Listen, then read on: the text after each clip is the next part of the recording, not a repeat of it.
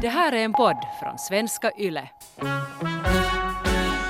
Då det är fredag kväll så kanske jag kan få sätta mig vid ett dukat bord. Istället för att det alltid är jag som ska duka bordet. Bra att du sa det. Jag var lite kanske i affekt. Det kanske skulle vara kul att få sätta sig vid ett dukat bord någon fredag. Jag sa inte det med det där tonfallet, men jag, sa, jag bara konstaterade i skriven form så konstaterade jag det. Det resulterade i det att vet du, veckan därpå så var vi sen bjudna på middag till en av de här och det var hur trevligt som helst.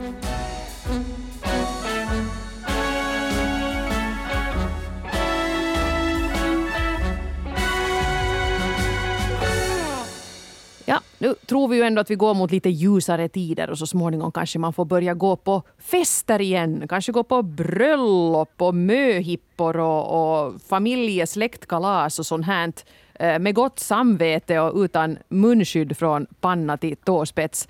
Och det är ju trevligt. Men Hanna, vi funderar ju den här veckan på att borde vi lite prata om det faktum att det finns ganska få fester för singlar här i världen.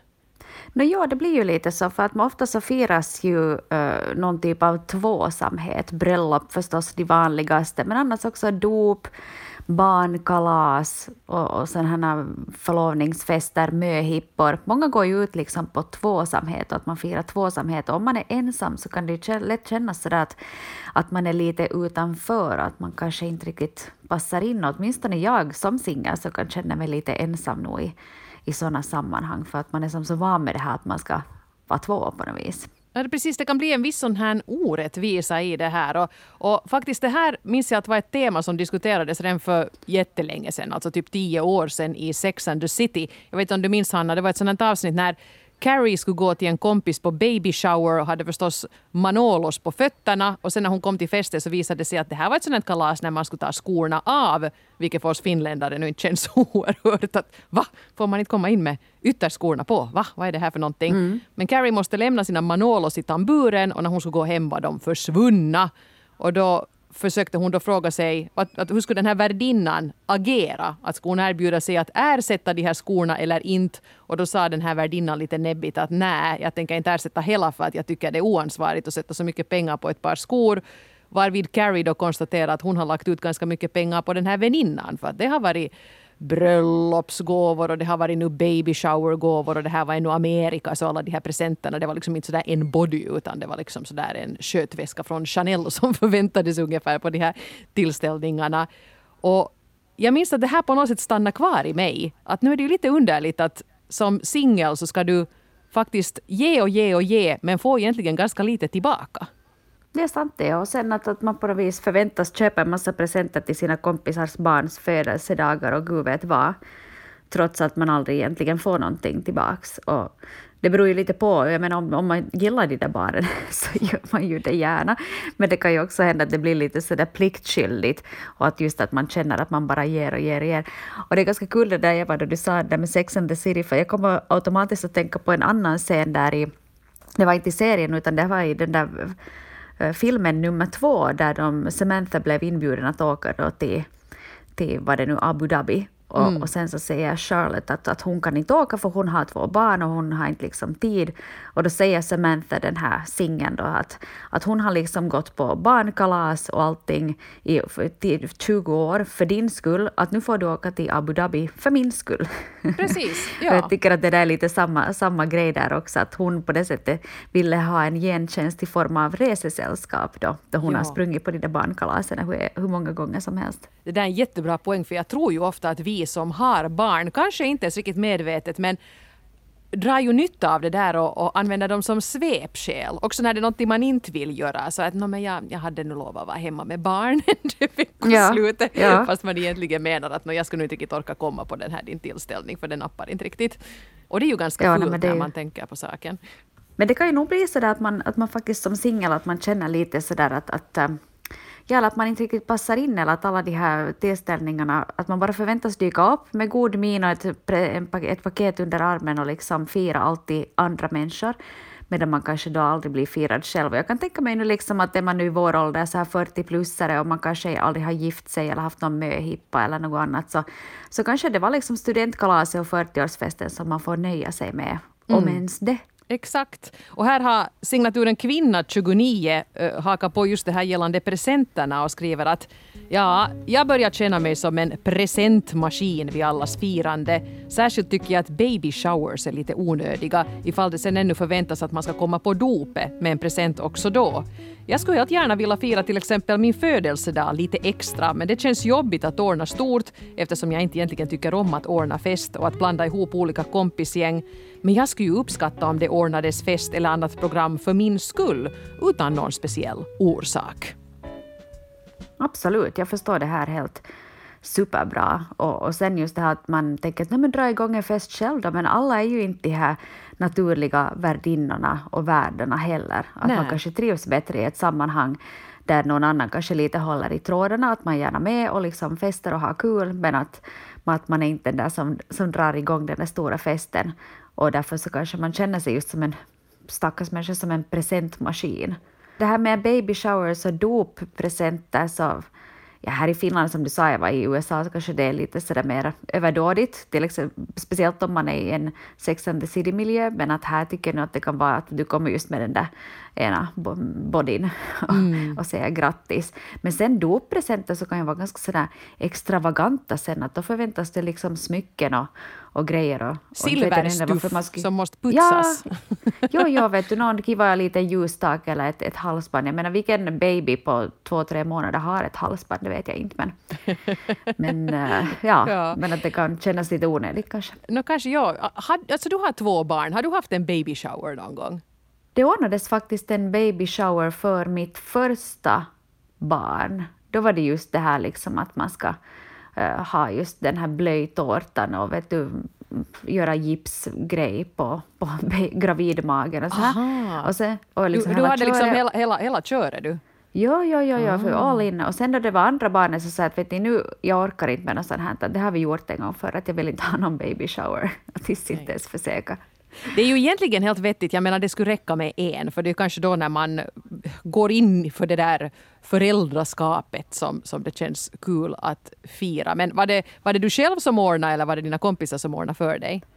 Det var nog jag som ordnade okay, har jag för mig. Men de hjälpte ju till. En baby shower är ganska tacksam på det sättet, för då har du ursäkten mm. att du är gravid, så att du, du skulle inte anstränga dig.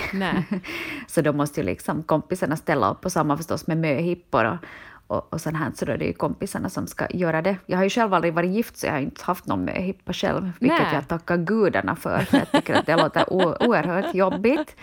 Men jag har nog varit på flera möhippor. Ja, Uh, ja, och jag tycker framförallt sådana vuxenmöhippor skulle jag nog inte ha något emot att gå på. För jag tror att det kanske är lite mindre sånt här gå omkring på stan och förnedras lite och, och mera mm. god mat och gott vin. Och det kan man ju inte tacka nej till. Ja, men alltså jag hade faktiskt också baby shower de två första gångerna. Men det var inte kanske riktigt den här amerikanska konceptet utan det var ju mer det här att jag hade blivit föräldraledig och tyckte att nu, nu skulle det vara roligt medan jag nu ännu orkar att träffa mina kompisar så jag bjöd in dem. Och de kom alla med presenter men jag hade nog faktiskt inte ens liksom riktigt förväntat mig det. Jag hade kanske inte riktigt tänkt mig det konceptet. Men i mitt kompisgäng var det här den andra bebisen som föddes. Så alla var ganska ivriga. Vi var alla där runt 25. Och det var lite roligt för alla de här som inte ännu hade barn själva att gå in och köpa en, en body. De tyckte det var lite skoj. Att det var på något mm. sätt som att vi kollektivt skulle vandra in mot nästa skede i livet. Sen är det ju inte alla som fick barn och en del fick barn betydligt senare och så här. Men jag tror de alla tyckte det var helt okej att köpa lite krafs till mig då. Och jag var ju jättetacksam och det var, det var väldigt, väldigt mysigt att ha en sån här grej. Men inte skulle jag nu någonsin... Ja, till och med faktiskt en kompis hon gjorde en blöjtårta av tygblöjor som hon sydde själv. Oj då. Oj då. det var lite det. next level måste jag nog det säga. Next level. Ja. Men ja, så att eh, jag tyckte det var jätteroligt och jag uppskattade det stort men jag kan nog så här i efterhand förstå att, att till exempel i det här skedet var vi så unga så att ingen var kanske... Det här med barnlöshet var inte känsligt för någon ännu. Alla tänkte mm att det där hinner man säkert, men skulle man ha det när man är 35 så tror jag det rätt kan vara så att, att någon där i gänget kan vara lite obekväm med att oj det här puttenuttiga och att du är så lyckad för du ska få en bebis skulle kunna vara lite jobbigt. Så jag vet inte riktigt med de där baby showers. Jag har så här i efterhand blivit lite tveksam. Det där är jättebra poäng faktiskt och speciellt just lite senare i livet. Att det är stor skillnad med att man är 25 och 35 då den ordnas nog. Eller ja. kanske till och med 45 så absolut. Det där kanske man behöver lite tänka efter där, speciellt om man lite till åren. Ja. Mm. Men äh, det finns ju många andra grejer också som man kan fira i livet. Och, och, här är flera av er som har skrivit in vad ni egentligen brukar fira. Här har till exempel Pia, 56, skrivit att man ju kan eh, fira själv också. Och eh, Pia skriver så här. Nu är jag redan så gammal så jag sällan omfattas av inledningsriterna, men jag firar faktiskt min separation i hela tio år. Varje årsdag köpte jag äkta champagne och någonting annat gott och firade att jag kom ur relationen. Jag hade ingen fest för andra, men de gånger jag gjorde inlägg på sociala medier så var det många som gillade och hurra, så det kändes festligt i alla fall. Jag tycker det här är en alldeles strålande idé att fira avslut också. Ofta har man ju mått dåligt länge i relationen och lättnaden när man stiger in i ett eget hem och får vara själv är ju alldeles underbar och så värd att fira. Som evig singel kan man också fira sitt oberoende och att man trivs bäst i sitt eget sällskap. Och det här behöver inte vara ritualiserat, spontant går lika bra. Vi är så fast i ett väldigt gammalt konservativt tänkande med våra normer och riter, så ju mer man kan frångå det, desto bättre. Säger Pia, 56. Jag blir grymt inspirerad av det här brevet måste jag säga. Jag tycker hon har rätt på så många plan. Eh, och det här med att vi hakar oss fast vid traditioner som vi egentligen inte ens tycker är speciellt kul längre. Jag tror vi är många som gör oss skyldiga till det. Hitta på nya traditioner som funkar för just dig och var ljuvligt inspirerande att dricka champagne varje år för att fira att en dålig relation tog slut. Det tycker jag man gott och väl kan göra. Och att man är Absolut. fri och har sitt eget liv och sin egen lägenhet och sånt här. Om man liksom har kommit till det att man, man ser att man kan vara tacksam för det. Det där är helt super och, och, jag menar det där är ju en seger i sig. Alla som har varit i en dålig relation så vet ju hur jobbigt det kan vara att ta sig ur den. Så jag tycker absolut att det där är värt att firas om någonting. Så, så jag håller helt med Pia. Det är mycket modigare att våga skilja sig än att våga gifta sig. Jag menar, kan man gifta sig så är ju alla bara klappar i händerna och det är massa klänningar och, och krafs och, och kalas och möhippor och grejer. Och det är bara positivt. Men sen att faktiskt våga ta det där steget att lämna någon, det är ju mycket djärvare att faktiskt våga göra det. Och då är det ju verkligen eh, en idé att fira det. Vilket faktiskt en del av er har gjort som har skrivit också. Liksom har en sån här omvänd svensexa eller möhippa kan man kalla den. Jag, vet inte, jag hade några kompisar som ordnade en sån här för, för en annan kompis som, som hade skilt sig. Och jag tror de kallade det separation celebration. oh. det låter jättebra. Ja, för det är ju kanske då när man har blivit ensam och man kanske är lite tilltufsad och fast det egentligen var rätt beslut att skilja sig så kanske man ännu är lite ledsen. Och det är ju egentligen då man skulle behöva det här att oj, här kommer hela vänkretsen farande och, och ska skämma bort en och ge en presenter och säga fina saker och så här. Den behövs ju mycket mer då än, än när man ska gifta sig. Mm. Här var några som hade skrivit in om, om just det här med vad sa du, separation, celebration och, och erobilet. Eh, till exempel Sabrina skrev om det här.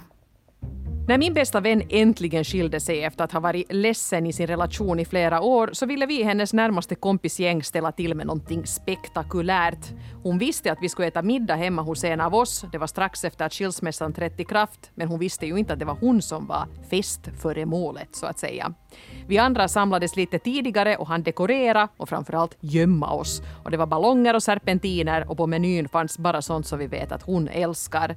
Och när hon sen väl kom, då hoppade vi fram och ropade surprise, precis som i filmer. Sen åt och drack vi i timtal och alla höll högtidliga små tal till henne som hon också fick i nedskriven form för att kunna läsa på nytt någon gång när hon känner sig ensam. Det var skratt och gråt och allt däremellan. Den här festen kändes nästan viktigare än hennes möhippa några år tidigare. Men vi ville visa att hon inte var ensam och att vi var glada för att hon hade vågat ta steget vidare i livet. Vilka underbara kompisar alltså. Det här låter ju helt, helt guld och just precis det som man behöver då man är nyskild. Mm. För att det är just då som man kanske känner sig, som du sa Eva där också, att man är, man är ensam och man är osäker och man vet ingenting om framtiden och, och att då liksom bli firad och märka Speciellt det här att, att vännerna sluter upp omkring en och att man inte är ensam. Så det är nog helt jätteviktigt. Ja, du har ju liksom själv varit i den situationen. Okej, ni var inte gifta, men i alla fall var ni väldigt stadgade med, med barn och hus och hela faderullan. Hur skulle det ha känts för dig om du en dag skulle ha kommit hem och dina kompisar skulle ha hoppat fram och ropat surprise? Ja, det skulle varit, varit jätteroligt. Jag hade, jag hade ju tur på det sättet att jag hade vänner som ändå slöt upp kring och hjälpte mig då. Och sen att, att jag också hade en, en eh, nära väninna som var i samma situation. Så, så det kan ju också hjälpa lite, att man blir lite sådär som ett, ett radarpar på något mm, vis. Att, ja. man, att man kan hålla ihop och liksom peppa varandra genom den där situationen. Att, men att jag tror att det är viktigt just det här att om, om du som lyssnar eh, vet att du har en, en kompis i din närhet som har skilt sig just nu, så det är nog jätteviktigt att man hör av sig. Att det kan vara väldigt små gester som ändå betyder väldigt mycket. Att ett enkelt vet du, meddelande att, att hur mår du, att hur går det för dig, så kan vara liksom avgörande. Mm. Och jag tycker också att jag menar, jag har en del vänner som nu har, har skilt sig här. Det är ganska många som har skilt sig under pandemin kan jag ju konstatera också.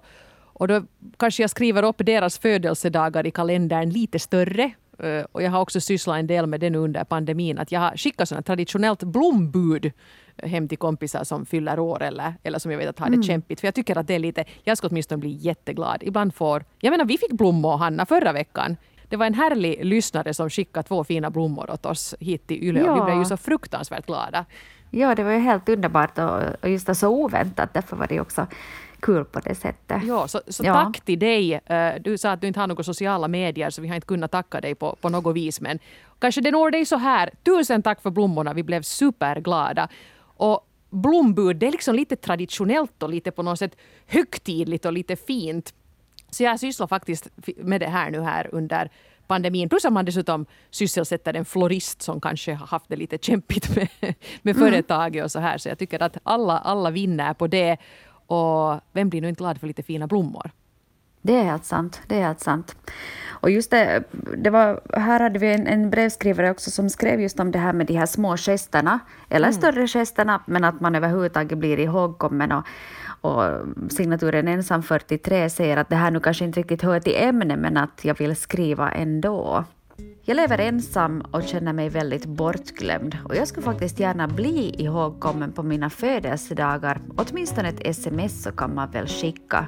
Med dagens teknik så är det ändå ganska lätt att komma ihåg saker.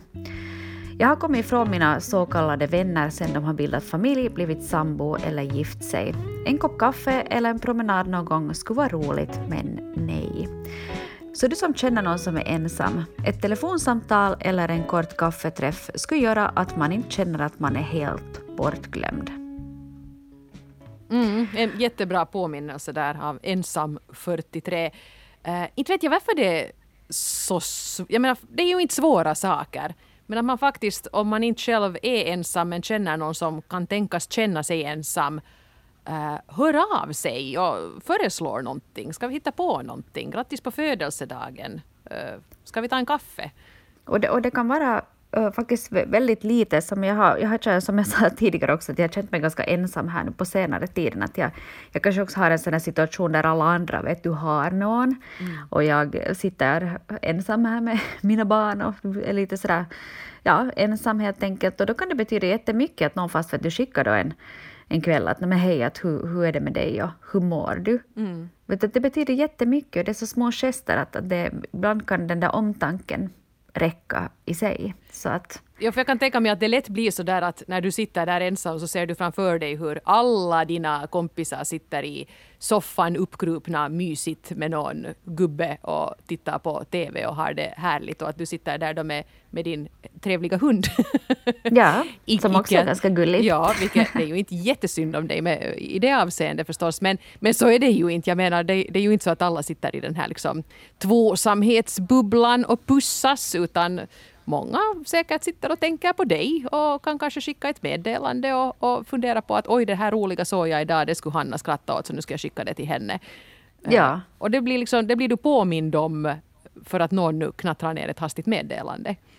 Ja, nej, men jag tycker det är fint det där, för det märks liksom att ja, men någon vet du, tänker på en eller kommer ihåg en att hej, men det här skulle kunna vara en kul grej, att det här skulle hon säkert uppskatta. Så, så sånt är väldigt viktigt, så det tycker vi alla kan vara, vara lite bättre på, mm. träna oss på. Ja, hemläxa till alla puttenuttiga, vad, vad, vad kallar Bridget Jones dem? Hon kallar dem för smug marrieds. De som på parmiddagen tog med liksom sin man och så satt de och log så där lite överseende mot den där enda singeln.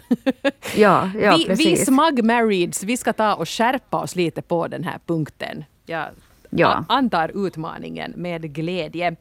Men ännu för att gå tillbaka till det här med, med skilsmässor och hur man firar dem. Här tycker jag var en ganska uh, kul variant. Mogen kvinna som skriver. Vi skilde oss för 18 år sedan och hade en så kallad bra skilsmässa. Och efter att vi hade tömt vårt gemensamma hem och flyttat våra saker och ting till nya bostäder så gick vi ut och äta tillsammans med våra döttrar. Och vi kände att det var bra med ett värdigt slut efter 25 år tillsammans. Det där är ju helt super. Och, och just att har man varit tillsammans i 25 år, delat så pass mycket, har fått de där döttrarna och det inte finns någon desto större dramatik så är det ju ett härligt sätt att sätta punkt för den delen Mm. av livet på. Precis, ja. Och kanske sådär lite som på en, på en begravning när den som har, har dött var kanske Eh, lite äldre och hade ett, ett fint liv och, och man liksom inte behöver tycka att det är sådär supersorgligt egentligen och istället kan då fira det som har varit och, och komma ihåg allt roligt som den här människan hittade på och hade för sig. Så kanske om man har haft en, en god relation och inte helt i luven på varandra att anpassa lite samma tänk på den här avslutningen på ett äktenskap då, eller en lång relation. Att oj, det var jättebra och sen var det inte så bra. Men vi fokuserar på det som var bra. Skål! Nu går vi vidare. Ja. Det är ju på Ja. något sätt jättefint. Och vad, vad lyxigt för de där döttrarna också att ha föräldrar som kan göra på det här sättet. Ja, nu går vi ut och Ja. äta.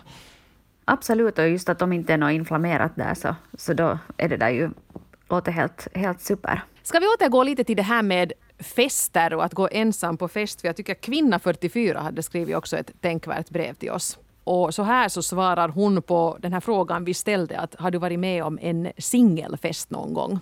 Nej, det har jag inte, men det låter underbart. Tvärtom så blir jag inte längre bjuden någonstans, utom på fester med många gäster dit så att säga alla är bjudna. Ibland är jag nästan beredd att lova att tacka nej till en inbjudan, bara någon bjuder mig. Nej. När jag ibland försynt för saken på tal så säger mina vänner att det är inte alls bara mig som de inte bjuder in utan att de träffar ingen alls på grund av småbarnsåren. Men Facebook vittnar minsann om att de visst umgås med folk. Jag fortsätter bjuda in och folk kommer gärna men själv är jag tydligen uträknad.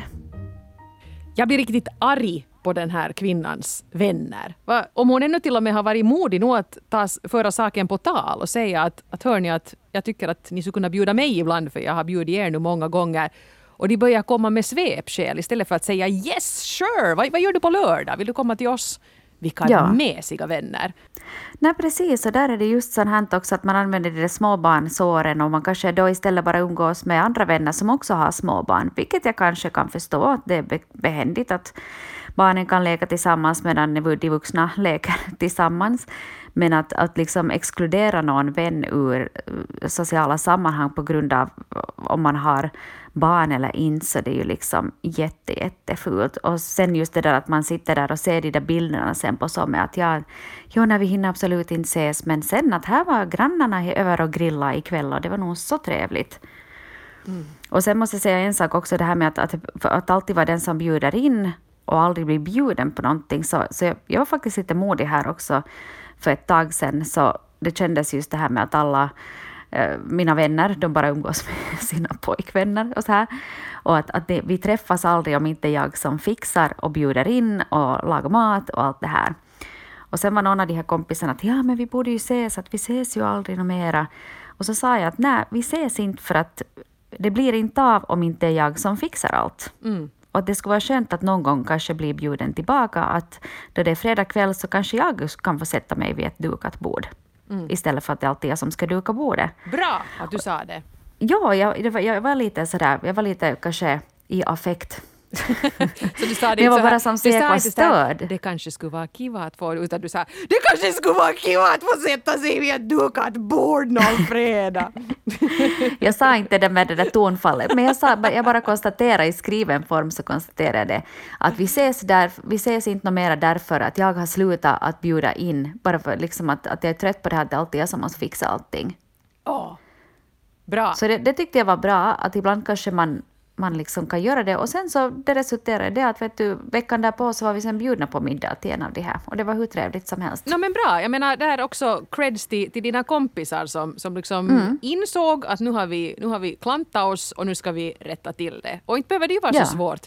Men just det här också, eh, jag vet inte om jag någonsin har fastnat i en sån här bubbla med att man som småbarnsfamilj bara umgås med andra småbarnsfamiljer och plötsligt inte bjuder in de där singlarna eller de som inte har barn för att man tänker på något sätt att, att inte vill hon han ändå komma hit för att det är nu sån kalabalik här. Men kanske man nu bara bjuder in singelkompisen och låter den välja. Och nu kan man nu placera sin barnlösa kompis i ett soffhörn med ett glas champagne och säga att här är nu lite nattning och blöjbyte och, och hula baloo men att jag hoppas att jag ska kunna komma och sätta mig i det andra soffhörnet om en liten stund och ta ett glas bubbel med dig. Inte, inte det är ju hela världen det heller. Men jag tror att det enda tänker att, men att inte vill hen ändå komma hit till oss för vi har det så råddigt och kaotiskt kanske hen vill, eller åtminstone bli bjuden. Absolut. Fråga i alla fall. Ja, man tar väl som gäst emot det som, som erbjuds helt enkelt, fast det skulle vara sån här nattningskalabalik. Uh, mm. kan väl vara lite kul att sitta där och inse att jag behöver inte göra någonting. Jag bara Fanns det kvar någonting i den där flaskan ännu? Ja. ja. Precis. Mm. Vi skulle kunna ta ännu här ett, ett avslutande brev av Daniela, 30 plus, som, som ger lite tips på, på vad allt möjligt som man kan fira fast man är med singel. Och jag tycker att det här var ganska sådär inspirerande. Mm. Jag tycker det är härligt att man firar sig själv och sitt liv också som singel. Jag är kanske dålig på det själv, men jag har varit på ett antal fester i den här vägen. En kompis slog till exempel till med en riktigt stor fest när hon blev klar med sina studier eftersom hon var singel och kände att ett bröllop nu inte tycks finnas på agendan under de närmaste åren. En annan god vän ordnade en skilsmässofest, Erobilet, när hennes skilsmässa trädde i kraft och den otrogna exmannen och det traumatiska uppbrottet äntligen var ett avslutat kapitel. Jag skulle hoppas att allt fler skulle fira sig själva, sin frihet, att man köpte en ny skitsnygg klänning eller att man fyller någonting så oviktigt som fast 32, för alla skäl är tillräckligt bra. Borde lägga in en sån applådeffekt efter det där nu, men jag klappar lite själv här istället. det där är så bra och jag tycker just det här att man kan fira allt, alla möjliga småsaker som till exempel att du har en ny klänning eller du fyller 32 eller vad som helst. Att, eller att man bara vill fira livet eller att det är gula löv ute på träden. Jag vet inte vad som helst men, men det här att man liksom träffas och att man gör någonting tillsammans och att det kanske inte behöver vara så storstilat och sånt, så det är nog det allra viktigaste. Och, och det här just med att, att det ordnas vet du, bröllop och sådana här grejer, så det, det är kanske en eller, eller många gånger i livet, om man är filmstjärna förstås, som det ordnas. Men, men att man kanske istället skulle satsa på de här små sammankomsterna och kanske de här mer vardagliga träffarna. Och just det här som du sa, att man sätter den där kompisen i soffhörnet med ett glas vin i handen och, och vet du att men hej, kom hit och häng med oss ett tag. Mm. Oavsett civilstånd också, att man ska passa på ibland att lite fira sig själv. Och lite liksom, vi är ganska anspråkslösa många, eller inte jag, men folk. Mm. och vill inte liksom göra något väsen av sig. Eh, men jag, faktiskt när jag sa att jag inte hade någon baby shower nu tredje gången så slog det mig att jag hade någonting nästan lika bra men på egen hand den här gången. För det var nämligen så när jag var gravid med Oscar att jag skulle skriva två böcker färdiga. Och jag hade en massa jobb som skulle avslutas här på YLE. Vi hade ju startat upp en, en podcast som heter Relationspodden bland annat. Eh, mm. Just då när jag liksom då skulle börja försöka fara hem och, och föda. Men jag hade sagt åt mig själv i något skede att okej, okay, jag hade också skrivit en radioteaterpjäs. Att får jag, alltså, får jag allt det här i mål, alla böcker ut, uh, pjäsen färdig, uh, allt fixat på jobbet och så blir jag ledig.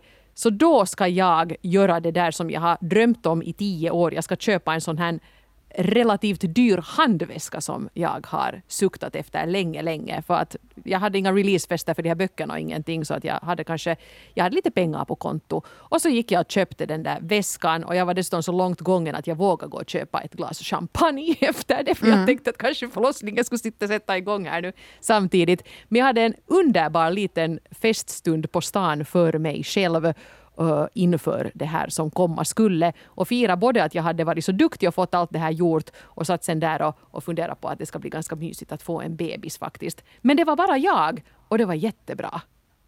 Ja, det där låter helt underbart. helt ljuvligt. Att Kanske man kan alla- fira själv också. Kanske vi Och- alla och borde liksom- nu fira till exempel vi tog oss genom pandemin. Hurra Mm. för mig! Jag är lite tjockare och jag har blivit lite gråhårig men jag är ännu still going strong och, och nu ska det firas på det sätt som jag anser lämpligast. Jag tycker vi kan börja där. Hemläxa till nästa vecka. Alla ordnar en liten, liten sammankomst. Åtminstone med sig själv. Det är min. Innan vi hörs om en vecka och, och firar det som känns aktuellt att fira i just ditt liv.